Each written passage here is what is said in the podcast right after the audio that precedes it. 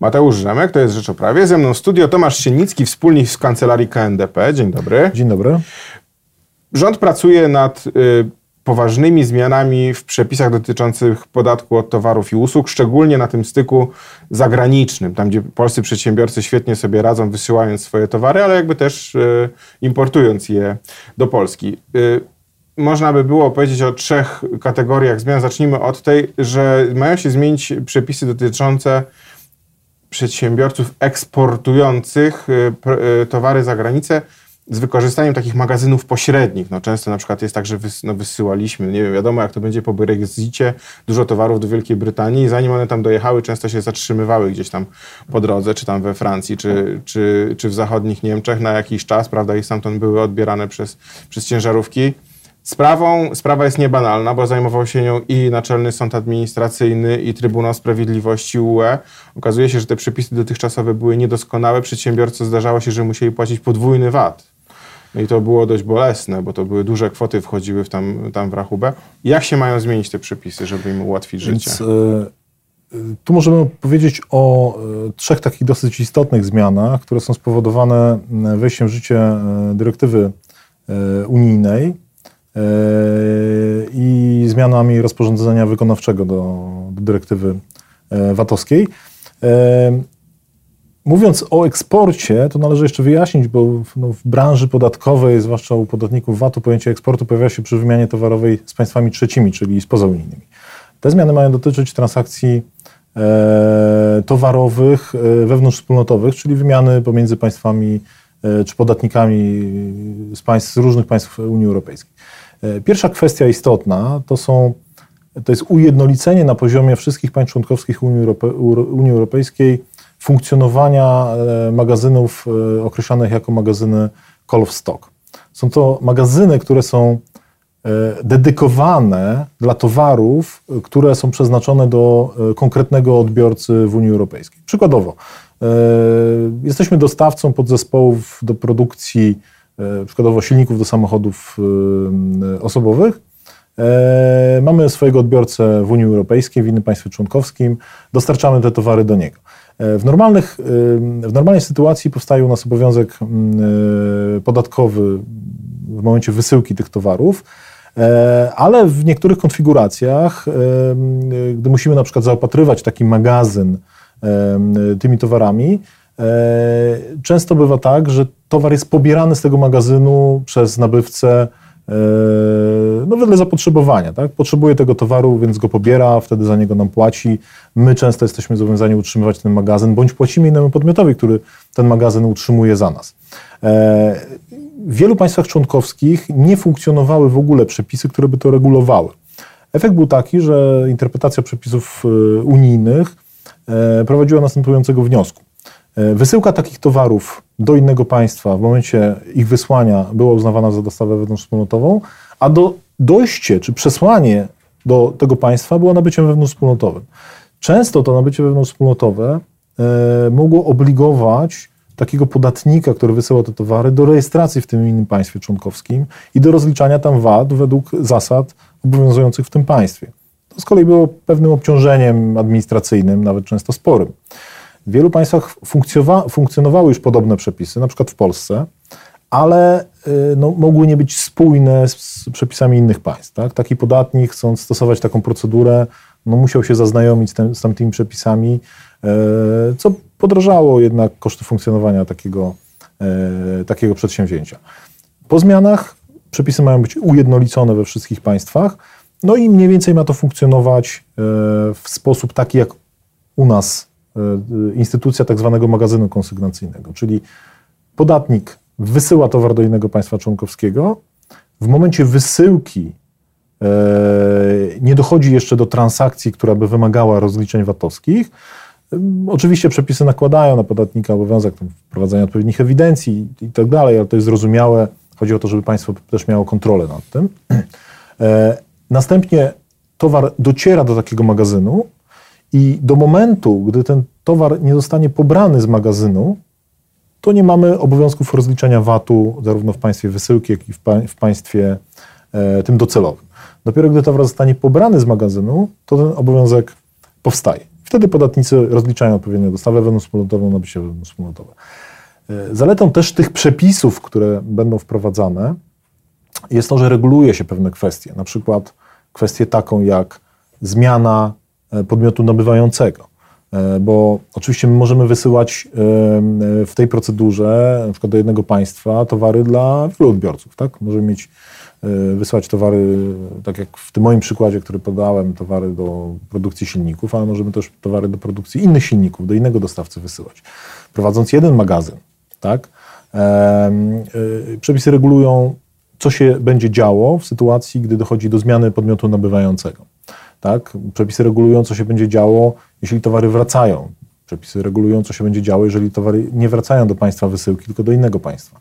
Więc na pewno zaletą tych przepisów jest po pierwsze ujednolicenie w całej Unii, w całej Unii Europejskiej. Te same reguły. W całej Unii Europejskiej. Wszystkie państwa są zobowiązane wprowadzić tę dyrektywę do końca roku, czyli ona ma funkcjonować od 1 stycznia 2020 roku.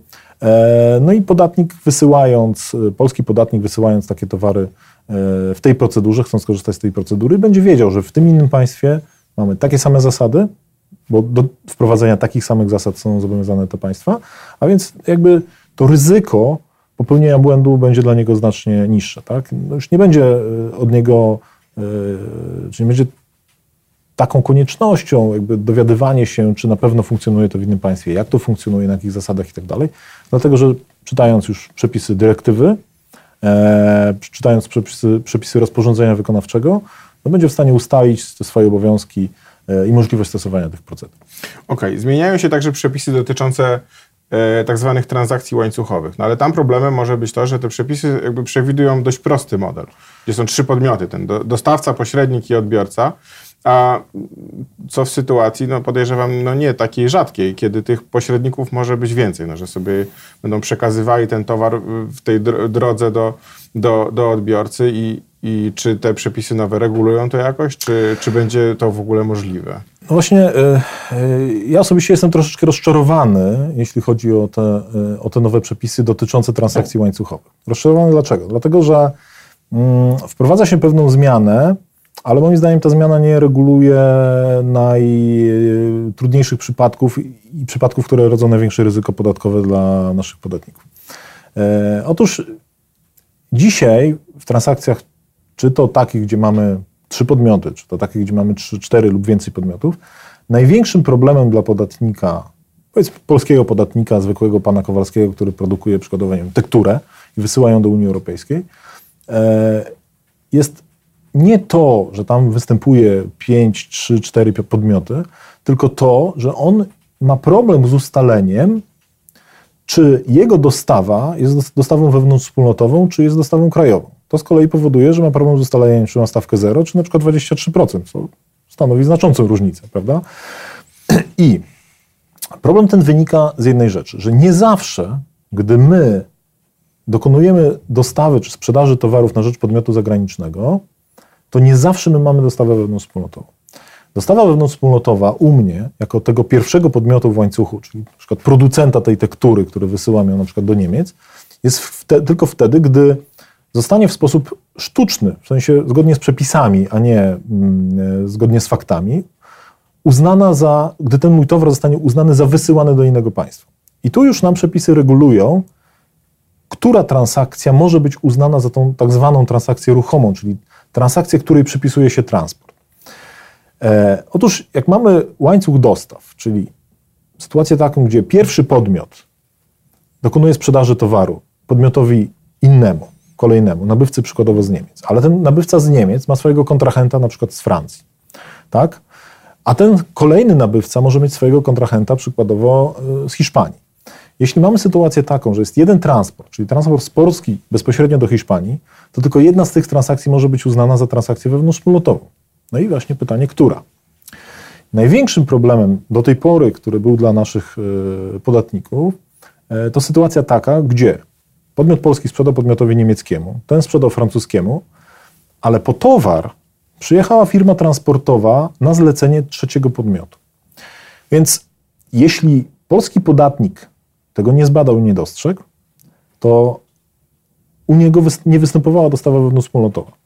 I niestety ochrona przed tym przed zastosowaniem stawki 23% była bardzo trudna w takich sytuacjach. Dlatego, że taki podatnik de facto powinien zbadać warunki dostaw nie tylko swoje, ale również warunki dostaw przez tego transakcji realizowanej przez tego kontrahenta swojego niemieckiego, co jest w zasadzie często niemożliwe. No jest tak? poza jego możliwościami. Poza jego możliwościami. Mhm. On musiałby badać umowy, badać warunki transportu i tak dalej, i tak dalej.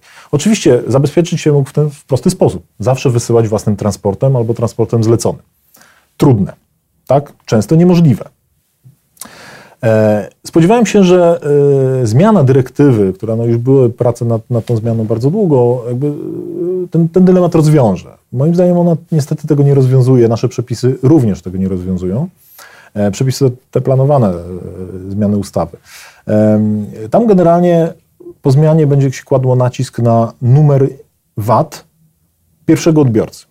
Wprowadza się tam definicję takiego podmiotu pośredniczącego e, i generalnie przepisy będą przewidywały, że dostawę dokonaną na rzecz takiego podmiotu pośredniczącego będzie się uznawało za zawsze za, za tą dostawę ruchomą.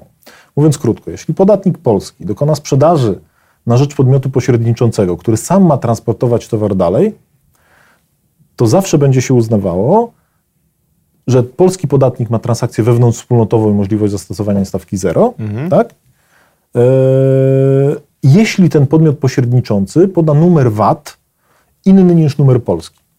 Dokładnie tak samo było jest dzisiaj. Ale to jest też dobry przepis ochronny dla polskich przedsiębiorców, bo rozumiem, że jakby zdejmuje to z nich ten obowiązek badania, ryzyko, że tam gdzieś no, później się okaże, tak że to by nie było. jest jednak. Tak by było, mhm. gdyby definicja tego podmiotu pośredniczącego była troszeczkę inna. Niestety ta definicja mówi, że podmiotem pośredniczącym jest tylko podmiot, który sam dokonuje przemieszczenia towarów, tak.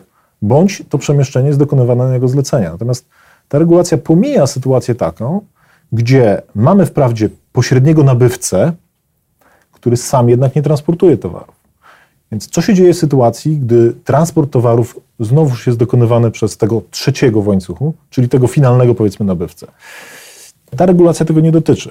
No ale rozumiem, że musiałaby się ta regulacja zmienić na poziomie unijnym, bo jakby ta regulacja musiałaby się zmienić na poziomie unijnym. w polskich przepisach jakby nic nie... Moim znaczy zdaniem... niemożliwe. No w zasadzie niemożliwe. Nasza regulacja jest zgodna z... Yy, poza pewnymi tam nieścisłościami językowymi jest zgodna z, z dyrektywą, ale ta regulacja zarówno polska, jak i unijna. Nie mówi, co się dzieje w sytuacji, gdy ten trzeci podmiot w łańcuchu e, sam przyjeżdża po towar, Przykład z tekturą, tak? Sprzedaż do podmiotu mhm. niemieckiego, odsprzedaż dalej do podmiotu francuskiego, podmiot francuski do nas przyjeżdża po towar. E, moim zdaniem po y, 1 stycznia, czy od 1 stycznia 2020 roku będziemy mieli dokładnie taką samą sytuację jak dzisiaj. Czyli te przepisy tego nie naprawią. Czyli dalej podmiot polski będzie się musiał upewniać, kto dokonuje tego przemieszczenia. Jeśli tego przemieszczenia nie dokonuje ten podmiot pierwszy, jego kontrahent, tak? czyli nie on zleca transport, ale ten transport jest zlecany przez podmiot trzeci, moim zdaniem sytuacja się nie zmienia. Dalej polski podmiot tak. będzie miał problem z rozpoznaniem stawki e, e, podatkowej właściwej tak? i stosowaniem zerów. Okej, okay. i trzecia grupa zmian dotyczy wspomnianej już y, dostawy wewnątrzwspólnotowej i tam mam wrażenie, że przepisy y, idą w kierunku zaostrzenia takich wymogów e, uznania danej dostawy za tą wewnątrzwspólnotową jakby i, i zwolnienia z, z tego podatku w Polsce. E, w zasadzie tak, w zasadzie pan redaktor ma rację. E, tutaj jest ciekawe, bo nasze przepisy y, przewidują już podobne wymogi dokumentacyjne.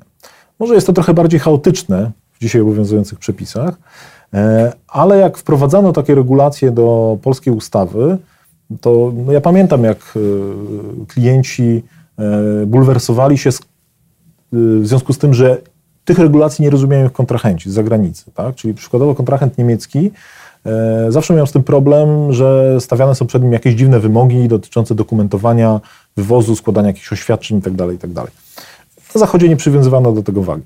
Natomiast nasze regulacje w sposób już zbliżony do tego, co przewidziała teraz Unia, takie wymogi dokumentacyjne przewidywały.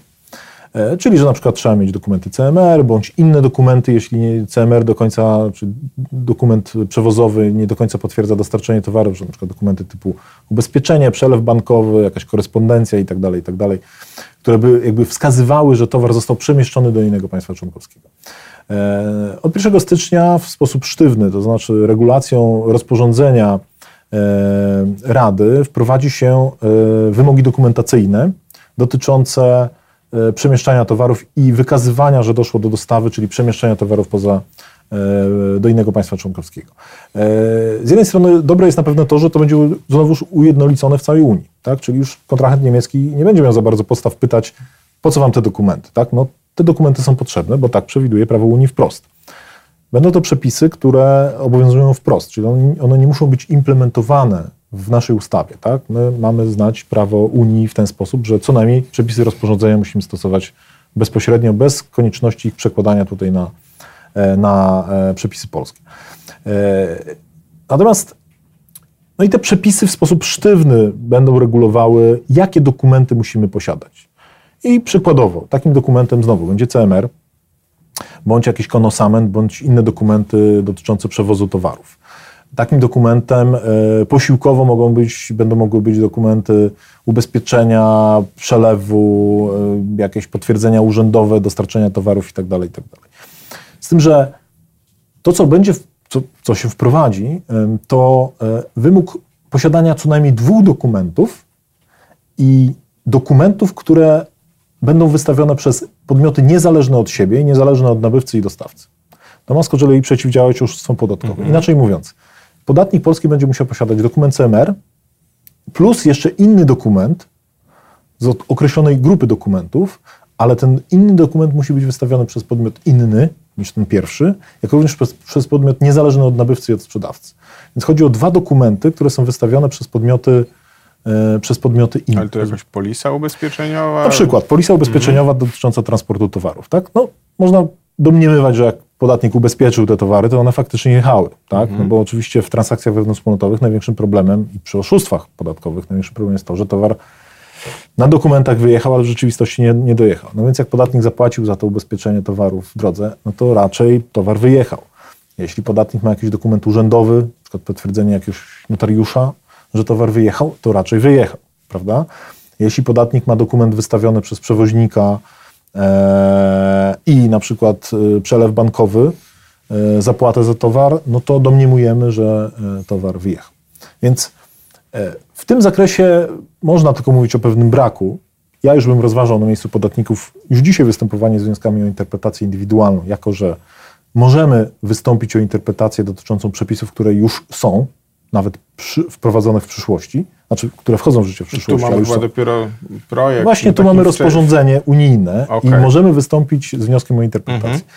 Mamy moim zdaniem tam jeden problem, mianowicie znowuż mamy nieuregulowaną sytuację dotyczącą tego, jakie dokumenty, co najmniej dwa różne niezależne, możemy mieć, jeśli towar odbiera e, nabywca własny, własnym transportem. Jak sobie popatrzymy tam w grupy dokumentów, na które nam wskazuje ustawodawca, pojawia się pewien problem, bo na pewno jeden dokument niezależny, wystawiony przez jeden podmiot możemy mieć. E, ale mamy problem z innym dokumentem, wystawionym przez inny niezależny podmiot. Dlatego, że e, w jednej grupie dokumentów są dokumenty dotyczące e, wysyłki towarów. No więc jeśli towar odbiera własnym transportem nabywca, no to nie bardzo możemy mieć dokument niezależny, wystawiony przez podmiot niezależny od niego, potwierdzający tą wysyłkę, na przykład no bo nie wysyła. CEMER, mhm. tak? Mhm. Bo tego nie, albo fakturę przewoźnika, bo tak. nie ma przewoźnika. Mhm. Więc w takich niektórych sytuacjach ja już dzisiaj bym proponował chyba e, zastanowić się nad tym i występować z wnioskiem o interpretację, jak należy interpretować te przepisy w takiej sytuacji i jakie dokumenty powinien posiadać jako podatnik wysyłający towar do innego kraju, jeśli towar odbiera transportem własnym e, podmiot nabywający.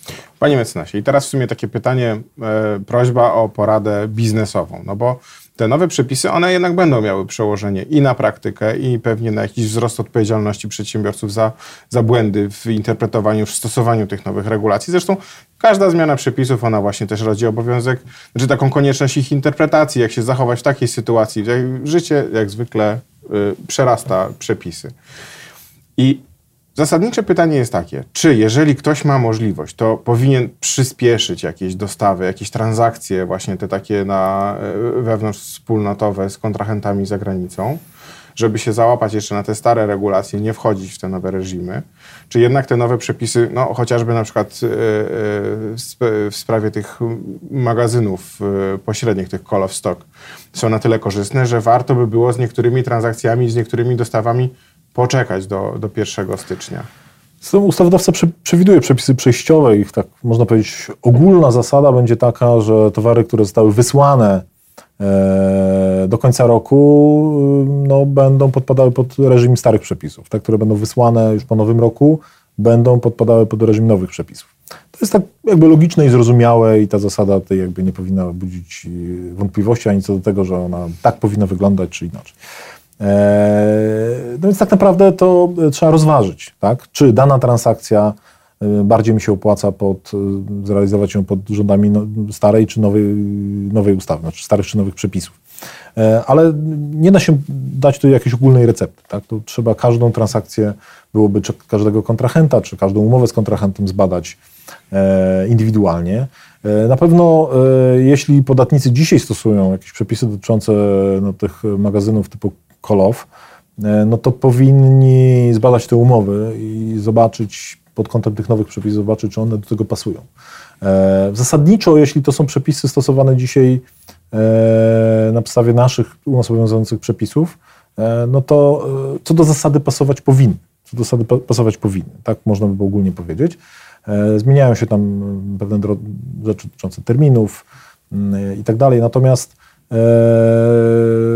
no, trzeba zwrócić będzie uwagę na to, że trzeba prowadzić będzie ewidencję, e, być może dokonać pewnych zgłoszeń w niektórych przypadkach, bo też takie obowiązki mogą być przewidziane. W Czy wystąpić o interpretację podatkową? Czy wystąpić o interpretację indywidualną, aczkolwiek w tym zakresie, ponieważ przepisy jeszcze nie są opublikowane, bo tu mówimy o przepisach, które wchodzą w życie e, w związku z prowadzeniem dyrektywy, a nie bezpośrednio mm. obowiązujące na podstawie przepisów rozporządzenia, no to jeszcze spotkamy się z odmową wydania takiej interpretacji. Dopiero po opublikowaniu tych e, przepisów hmm. można będzie wystąpić o interpretację indywidualną. A czy tu nie ma ryzyka, że, że się e, nasze państwo nie wyrobi? No bo jakby biorę też pod uwagę to, że 13 października mają się odbyć wybory parlamentarne, no to w sumie niewiele czasu zostało, no bo to ileż, no tam yy, półtora Nie przewiduję miesiąca. tego, nie przewiduję tego. No, Ta ale ustawa... to musiałaby przejść przez całą tą procedurę legislacyjną, znaczy ona yy, pewnie nie wzbudzi jakiejś wielkiej debaty w Sejmie. Myślę, że nie wzbudzi żadnej debaty w Sejmie yy, ta ustawa.